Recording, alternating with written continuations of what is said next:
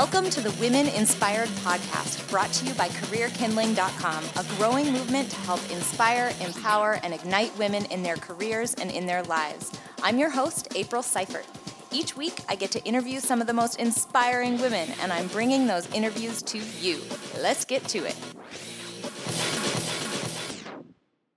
Hello, everyone, and welcome to this week's podcast. I am so excited to bring to you an incredibly inspiring woman today. She is a professional in the apparel industry. She's a survivor of an aviation disaster and of cancer, and she describes herself as a passionate apprentice in the adventure called life. I'm not sure it gets any better than that. So I'd love to welcome Laura Zych to the podcast. Hi, April. It's great to be here with you. So, you know, I gave a little bit of an intro. We talked a little bit about some of the high level bullet points, but tell us a little bit more about yourself so we can get to know you. I was born and raised in a rural farm community in um, Minnesota. I attended NDSU in Fargo, North Dakota. Um, go Bison! Woohoo! Um, initially, I focused my studies on business and English, but then uh, after a couple of years of getting into the college career, I adjusted my path and decided that apparel and textiles was really what I was more passionate about once I was, you know, getting towards graduating and trying to decide what I wanted to do with my life, I really felt like it was, uh, you know, I wanted to focus more on a corporate career in the apparel industry. I was able to uh, get an internship at a retail corporate office, which was local in the area. Um, I worked at the flagship store and in the buying department at the corporate office. And then at the end of the summer, I was lucky enough to be offered the assistant bottoms buyer position. Over the next eight and a half years, I stayed with the company and I was promoted to buyer. Had the opportunity to launch a private label denim brand. Nice. Um, I managed the product development and design of the brand, um, which was great because a lot of times if you work in a larger corporation, you may only be, um, you know, have the experience of being an assistant buyer and you don't have that product experience. Right. And what I found out was even though I, you know, thought I wanted to be a buyer all of my career, I was really more passionate about the product piece of it and seeing my designs come to life and seeing them sell and you know, ultimately, while I was there, um, that portion of the business, the um, that development piece of it, grew to be uh, 75% of the company's assortment. Yeah, it was very exciting, and I really learned to enjoy that piece of it and work with, you know, international resources and vendors and working with wash techniques and and you know technical details and how a jean fits and and you know hearing the positive feedback of customers and and um, you know the excitement from them when they could find a jean that actually fit them if they were you know six foot plus tall or you know shorter or you know those hard to find sizes. So it was very rewarding. That's amazing. I guarantee there's way more that goes into the pair of jeans that i'm wearing right now than i would ever imagine. What are you up to these days? Well um, i am actually just coming off of um, the next step on my um, career path. Um, this past this August, um, I made the decision to relocate to New York.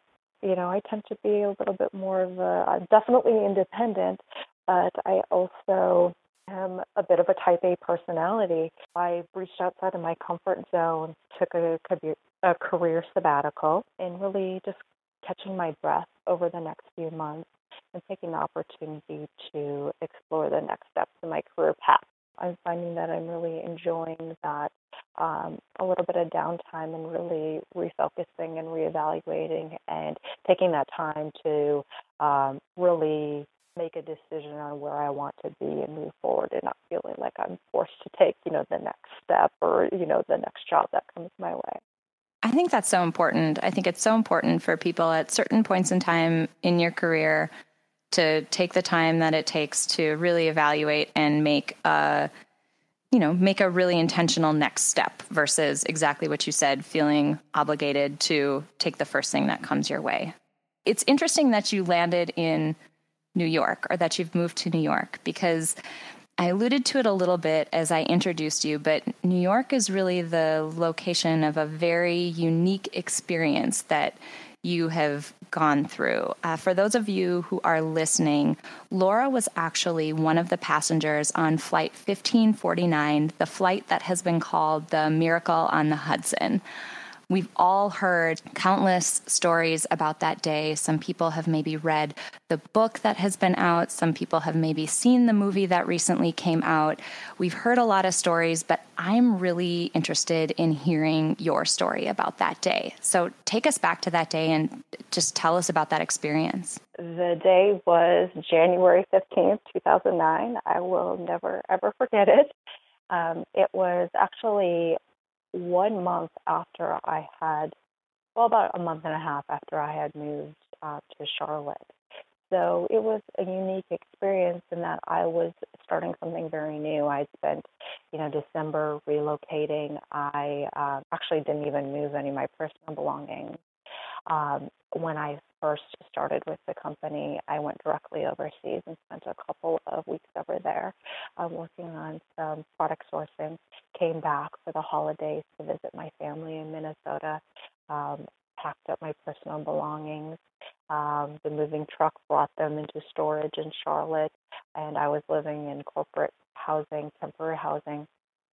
Drove my car from Minnesota to Charlotte and then um, a couple of days later, I was in New York on a business trip. I really didn't know many of the coworkers that I was traveling with.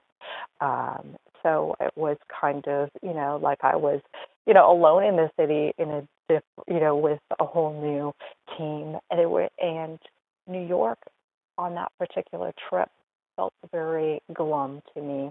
So I remember that day it was very, very dark and gloomy, and it just felt like something was hanging over the city. So, you know, I went about my my appointments for the day. Uh, you know, worked with some of my new coworkers, ran into some people that I had known at other companies, um, vendors that I had known for a while, had dinner with vendors, and it was like any other trip that you experience for business. We were um, approximately a minute and a half into the flight when um, we experienced the bird strike. Um, it was just a large boom that caught everybody off guard. I happened to be reading a magazine and I gasped. And then I was embarrassed because I didn't like I'm not afraid of, of flying. I would never was afraid of flying and it just you know, it just happened and it was just like this involuntary, you know, sound that came out of my mouth. Right. I looked around to see if anybody had noticed. There were, you know, other people had screamed or obviously something had happened and and other people were aware of it. There were people that were, you know, looking around the cabin. Not long after that, I smelled um almost, you know, a burning smell Oh, um, wow. uh, which happened to be the uh, geese that were, you know, ingested into the engines, and ultimately they had caused, a, you know, a double engine failure. Um, the right engine, um, well, both of the engines were not functioning at that point, um, but from where I was seated in 17D, I, when I looked across the aisle, um, I could see a warm glow of the left engine um, being on fire and flames shooting out um, from it. So um, it was definitely a very surreal experience. A couple minutes earlier, I was actually napping on the tarmac at LaGuardia because our flight was delayed, um, and we were, you know, sitting in the queue waiting to take off. So, you know, going from a nice little nap on the tarmac, and then I just opened up my magazine, started reading that, and then, um, you know, getting to that point. And and actually, my first instinct after I gasped was to just put my head down and just keep reading the magazine. I'm like, I just pretend like I didn't do that. Nothing yeah. happened. But then, you know, I could hear kind of a little bit of, you know, stirring in the in the cabin, and it was very bizarre. Um, it was calm because there was no sound of the engines. So it oh, was very, um, it was just a very it was almost calming until I saw the the fire, you know, coming out of the engine. Um, but very bizarre having that, you know, experience of gliding over Manhattan. Um, and at first I was like, oh no, we'll, be okay. We're going to turn around. We're going to go back to LaGuardia. But, you know, once I saw, you know, the flames, I thought, okay, you know, that adds another element to it. Mm-hmm. I hear the engines were, you know, gliding. We banked left uh, which was, uh, you know, the captain trying to turn back towards LaGuardia. But, you know, at that time, they were in the cockpit, they were working through all of the protocol to be able to determine the best scenario, uh, trying to, you know, do all the ditching maneuvers so that they could sail off the plane. Um, um, they were in contact with the um, air traffic controller um, Patrick and trying to find the best route for us um, in one of the you know the most populated cities in in the world. So um, we had no idea what was going on. It felt somewhat calm. We knew that there was something going on, but um, you know the moment that Sully said, you know, brace for impact, or he said, "This is your captain, brace for impact."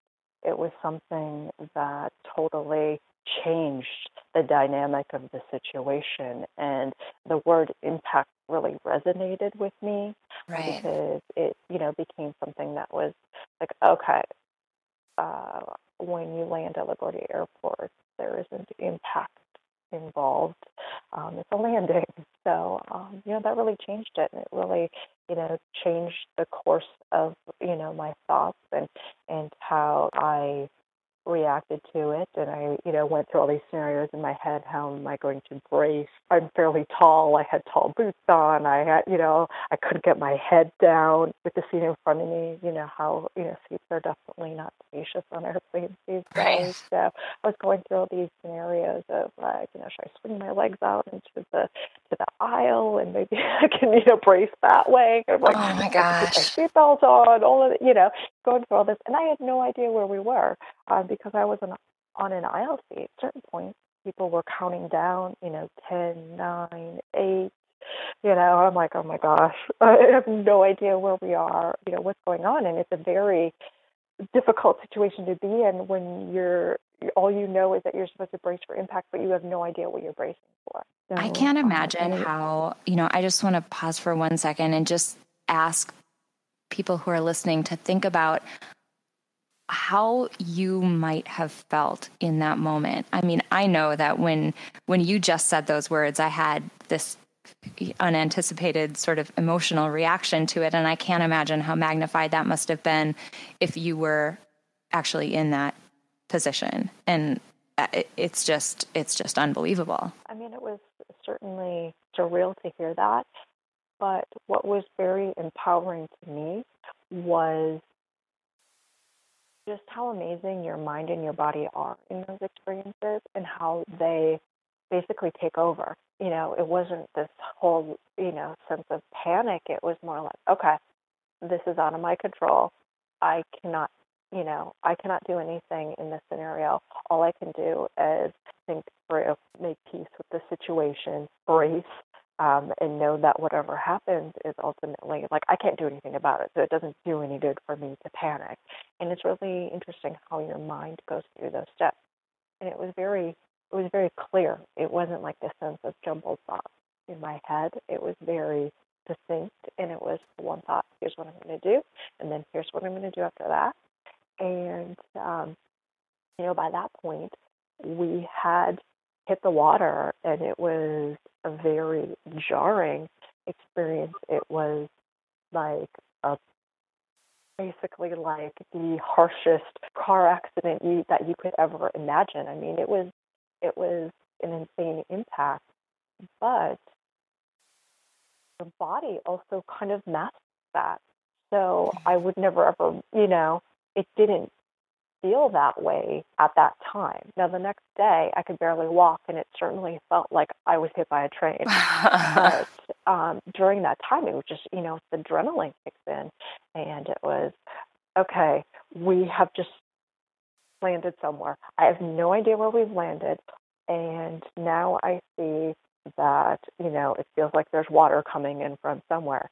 And there was a moment when we landed and um, there was almost like this mist in the air and this ray of, of sunshine on this gloomy day came through the windows and it was this feeling and i know that you know many if not all the passengers that i've spoken to um, felt that we were like are we is this it?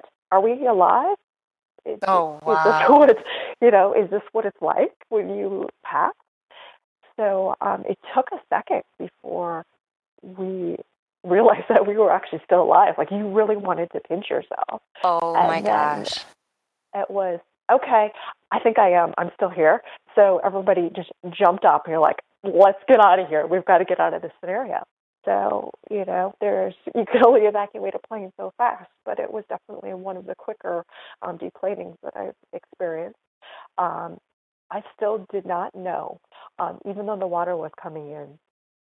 Um, I it was up to my boots. I had tall boots on. It was up to my boots by the time I was able to stand up and to um, move down the aisle. Um, and I did not know that we were in the Hudson River until I got to the emergency exit on the left side and looked out and saw Manhattan. So at that point, there were two options the wing or the water. And it was uh, 30, I believe 34 degrees that day. January um, in New York. Yeah, it was January in New York. I had a dress on, tights, and boots, um, and I had my coat in my hand. So, um, and I had forgotten to bring the life preserver from underneath the seat. Because, oh. Um, I had no idea where we were, and I didn't know that we needed it. I thought maybe right. we were on land, and at first I thought maybe some of the water coming up from the back was maybe part of the toilet. so I had I had no idea. I was like, oh my goodness, okay, I have two options, and you know the people behind you were definitely very interested in, in you know disembarking the plane too. So you know, we had to, you know, move fast. So I was like, okay, uh, I think I'm going to go with the wing at this point. Uh, you know, everybody was trying to file out onto the wing, but some people had opted for the water because we were on fire, um, you know, moments earlier, and we were leaking jet fuel, and there were all of these scenarios, and we were on a plane that obviously was taking on water and would eventually sink. Um, and we had no idea if anyone was going to come to rescue us. But um, yeah, I opted for the wing, which um, in January is um, iced over and slippery, and it's also, you know, curved. It was hard for everybody to stay on. People were slipping and sliding. Um, I was on the left side, the left wing. Um, the people on the right side, since the engine was seared off, they were actually below the water, um, standing on the wing, and some of them were up to their chests in water. Oh um, people in the back of the plane, by the time they were able to deplane, they were almost up to their necks in water. Um, so depending on where you were on situated on the plane, it was a completely different scenario for everybody. You know, and that really impacted how people, you know, healed afterwards and and um, you know the whole whole rescue process and everything too. Um, I watched the whole rescue um, and was one of the last passengers that was rescued from the plane. Um, we eventually were able to um, inflate the um, emergency slide on the left side, which we used as a raft. But it was very difficult. You know, it was getting twisted up and it was getting hung up on the plane, and and the wings were getting you know overcrowded, and people were sliding off, and and um, it was a very precarious situation. Um, once the slide laid down in the water, then you know several of us jumped over um, and pulled ourselves up onto the slide, and um, were able were able to relieve some of the um, congestion on the wing, so other people could you know get out of the plane and you know evacuate. Eventually, know, some of the rescuers and other passengers. Were throwing um, preservers out to us on the slides on the wings, and um, it was, as I said, very precarious. Um, there were, you know, the the police divers that came in from the helicopters and they were rescuing people in the water and the ferry boats were coming in. And um, you know this all happened within you know a matter of minutes um, after That's amazing. you know we crash landed and it was watching everybody and you know trying to see people who were frozen in their hands when it moved trying to you know get up you know ladders or you know these ferries that were seven feet you know high and trying to get you know into the the ferry boats and you know say okay everybody's getting rescued and and I feel like I'm going to be safe and and then uh, the ferry boats all dispersed and and one came back and tried to throw us uh, rope. We were actually tethered to the plane and had no way of cutting ourselves off. And, oh my god! Um, within 24 minutes, the plane was was already, you know, completely underwater inside of the cabin, and the tail was sinking, and we were still tethered to the plane. Um, so we were sitting there thinking, okay. Just when you thought it was going to be okay, and then that starts happening. Yes, and then we, you know, we decided the rope wasn't the way to go because they would have just pulled us into the water um, without our, our nice little slides. So we eventually were rescued by a Coast Guard boat. Um, uh, but not without having an engine failure on the first um, Coast Guard boat that was dispatched. So it was, yes, I've survived. I've made it through. I've landed in the river. I'm on the slide. It's great. Someone's going to rescue me. And then, uh, oh, there's another engine failure. And then finally, um, they dispatched another boat, and we were loaded onto that, brought up to the pier. Um, I was thrown in an ambulance and brought to the hospital, but it was like, yes, we're okay. No, we're not okay. Yes, we are. And I just remember this when I was brought to the pier and there were two police officers on one on each side of me, and they were basically, you know, holding me up um, because this was, you know, several minutes after we had landed, and and um, you know, there's lots of adrenaline that's you know keeping you going. But um, once I reached the street, it was almost like my body just kind of was like, okay, I'm done, done now. I've done enough for you. My legs collapsed, my knees, you know, kind of buckled, and I was like, oh, I think I'm finally okay. And I just, you know, they just put me in the ambulance and I was like, I'm okay, I'm okay. And I was kind of joking. I'm like, I'm used to this. I lived in North Dakota for 12 years. I'm like, I'm used to this cold. and I was, you know, joking with them. They're like, How are you alive? I'm like, I'm fine. oh my gosh. So, oh my gosh. I can honestly say I, I did watch the movie and I've you know read stories of people's some interviews that you've done and it is a completely different situation having you talk through that day from your perspective. That's just that's just incredible. Yeah and it's so interesting. I mean every single passenger has a completely different you know experience with that day where they were in their life and where you know they were that day. And and just the the not only the temperature climate but the the financial climate of the city and just you know what that really meant to everybody at that time and how many you know worlds were impacted by that that how you know that outcome and you know why they coined it the miracle on the Hudson. I mean, I will always certainly be you know grateful for you know our flight crew and our rescuers and and just you know, the timing. I mean, it couldn't have been more perfect. I mean, a few more minutes, and and you know, people may not have survived. And in a different city, we may not have been that close to rescuers, and um, you know, it would have been a totally different outcome. And I definitely think about that all the time. Have a definite appreciation for you know how it happened. That's amazing.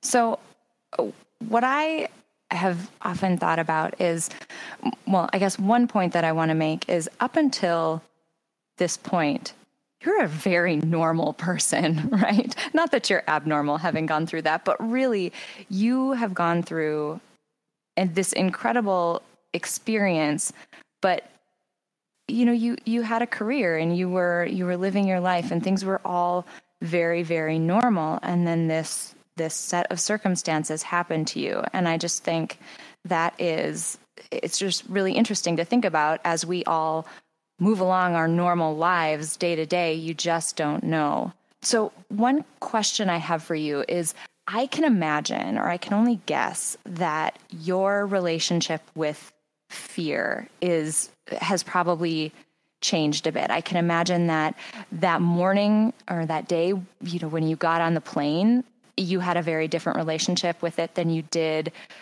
immediately after the situation happening. And then potentially that has evolved over time. So, can you talk about that just a little bit? I guess a lot of people, am I afraid to fly now? And I, I'm not. I guess um, I understand. I mean, there certainly are statistics that say that, um, you know, flying is one of the safest modes of transportation. Um, I don't want to, you know, say I don't want to jinx anything, but you know, the chances of of something like that happening again are very slim, and I am certainly more afraid of missing out on all that life has to offer, not spending enough time with my loved ones, um, not experiencing all of the uh, adventures that I desire, that it wouldn't be beneficial for me to to not travel. I mean, that's what I love to do, um, and I want to take advantage of all of those things. I want to get the most out of life. Certainly, are things that that I may have been afraid of before I um, before the incident um, that maybe just um, you know, that I've come to peace with and that maybe I'm not afraid of now. Um, as I mentioned, um, after Captain Sully said, you know, this is your captain, brace for impact, after he made that announcement, um, it was an absolute reality check. Everything that was about to happen in those upcoming minutes was out of my control. So I had to make peace with it make peace with the idea that we were, you know, as I mentioned, over one of the highest populated, densest cities in the world, and that impact possibly meant that we may not survive.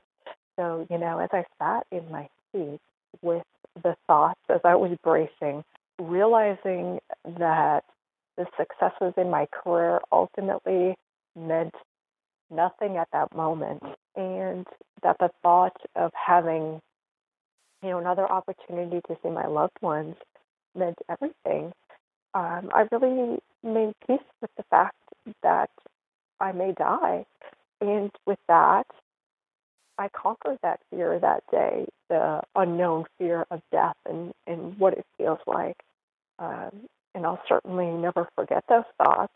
Um, I reflect back on them very often I remind myself, you know, to really focus on the priorities and what it felt like, like what exactly meant the most to me at that time when I thought that that was, you know, my last shot.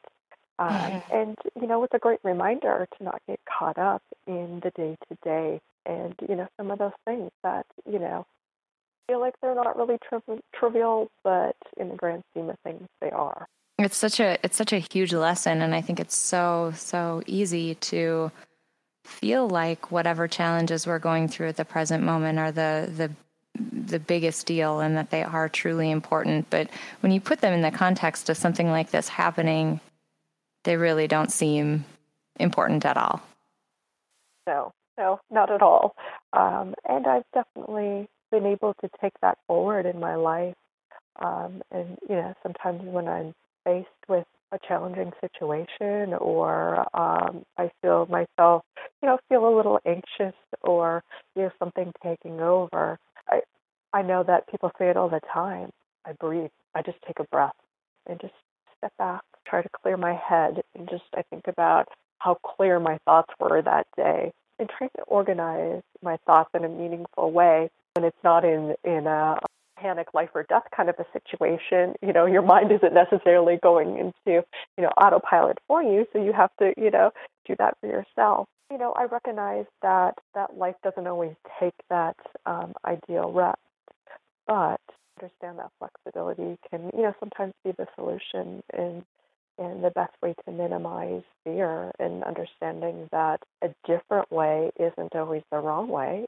It's just a different path. It sounds like you've had a bit of a perspective change just in, you know, life and how you how you approach it. Life after you know 1549, um, it didn't resume as normal. There was, as you know, many of us called it a new normal. There was definitely the aftermath. You know, I was diagnosed with PTSD.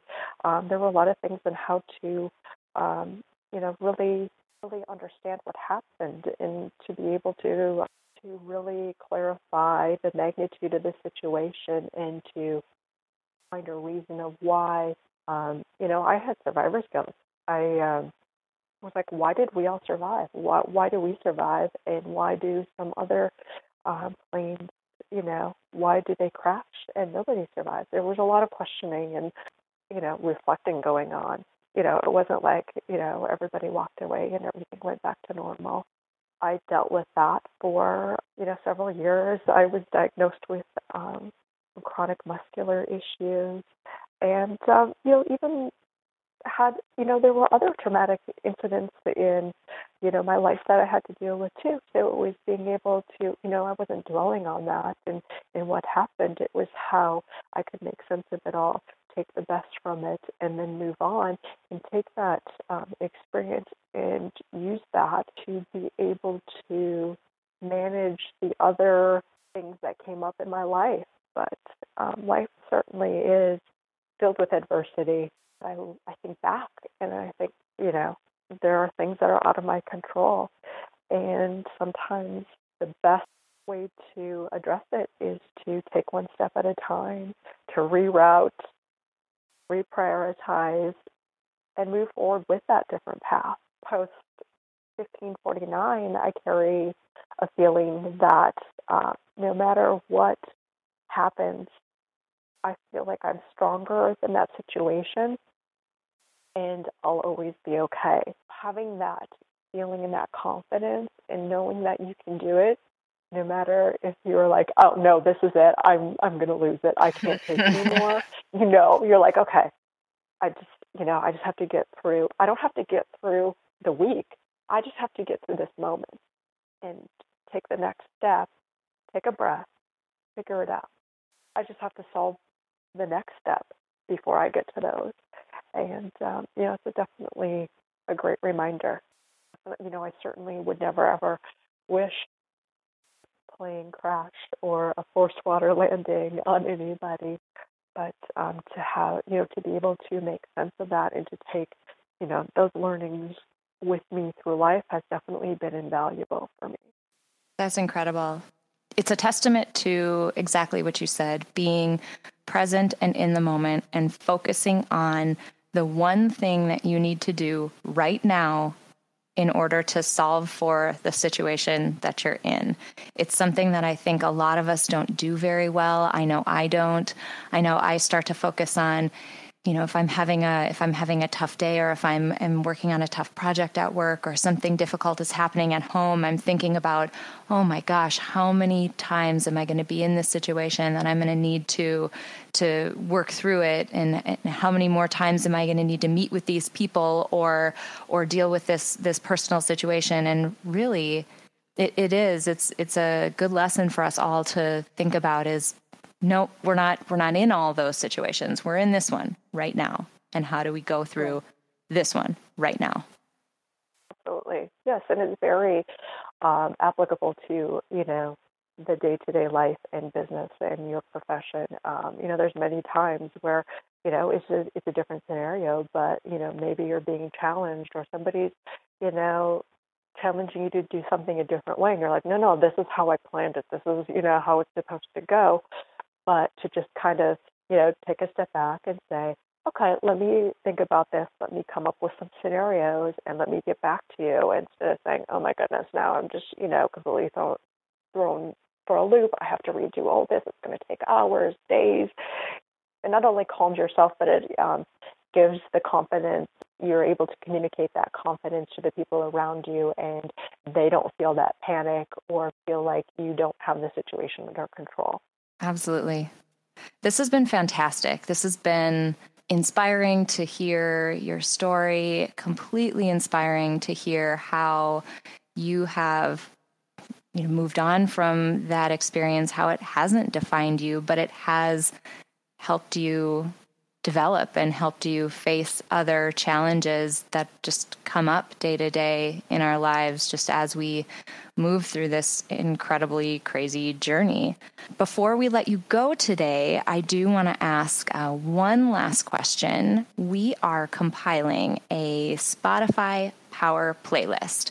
This is a playlist of inspiring and powerful songs that are being curated by the folks that are coming on this podcast, and a few of them that I've thrown in myself as well. So, uh, before we let you go today, I have to ask you what is your favorite motivational song? I love music, and I are so many situations that I feel like music has really been able to inspire me and to get me through. So uh, I'm glad you asked you know, so it's kind of corny, but um, it's a pop song um, by One Republic um, called "I Lived." But a lot of the the words in the song are really applicable. Applicable. Um, it's talking about maximizing your days and and um, being able to relax and and and enjoy your life and you know when the sun goes down that you know that you raise your cup um and whether it's you know happiness or pain um it's basically just saying you know i i want to do it all. Like just looking back and saying i did it all. Um i owned every second or the last you know sentence of the chorus is with every bo- broken bone i swear i lived. So it's basically just saying that you know life isn't easy, but um, it's worth it, and it's such an experience, and and you have to live it. That is perfect. I think that's a perfect, perfect song to cap off what was an incredibly inspiring story. I want to thank you for being willing to come on to the podcast, willing and open to share your story. It's a it's a really intensely personal thing that you've been through, especially talking about some of the the ways that it changed you emotionally in the way that you have you know really lived your life since then. So i can't thank you enough and we so appreciate it. Absolutely. It was great to speak to you today april. I hope you enjoyed that interview with laura Zych as she recounted her miracle on the hudson. To make the most of what you heard in her interview, head over to www.careerkindling.com and search for Miracle to bring up Laura's show notes page. Here, you'll find some key takeaways from today's interview, as well as some prompts to help you reflect on what you heard. While you're there, sign up to join our community and we'll give you immediate access to our Spotify Power playlist, including Laura's song, I Lived by One Republic. We'd also love to hear from you. Head over to iTunes and leave us a rating or a review. If you liked what you heard, hit the subscribe button. Until next time, have an inspired week.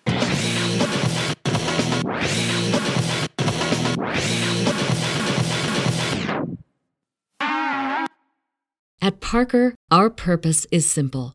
We want to make the world a better place by working more efficiently, by using more sustainable practices, by developing better technologies. We keep moving forward. With each new idea, innovation, and partnership, we're one step closer to fulfilling our purpose every single day. To find out more, visit parker.com/purpose. Parker, engineering your success.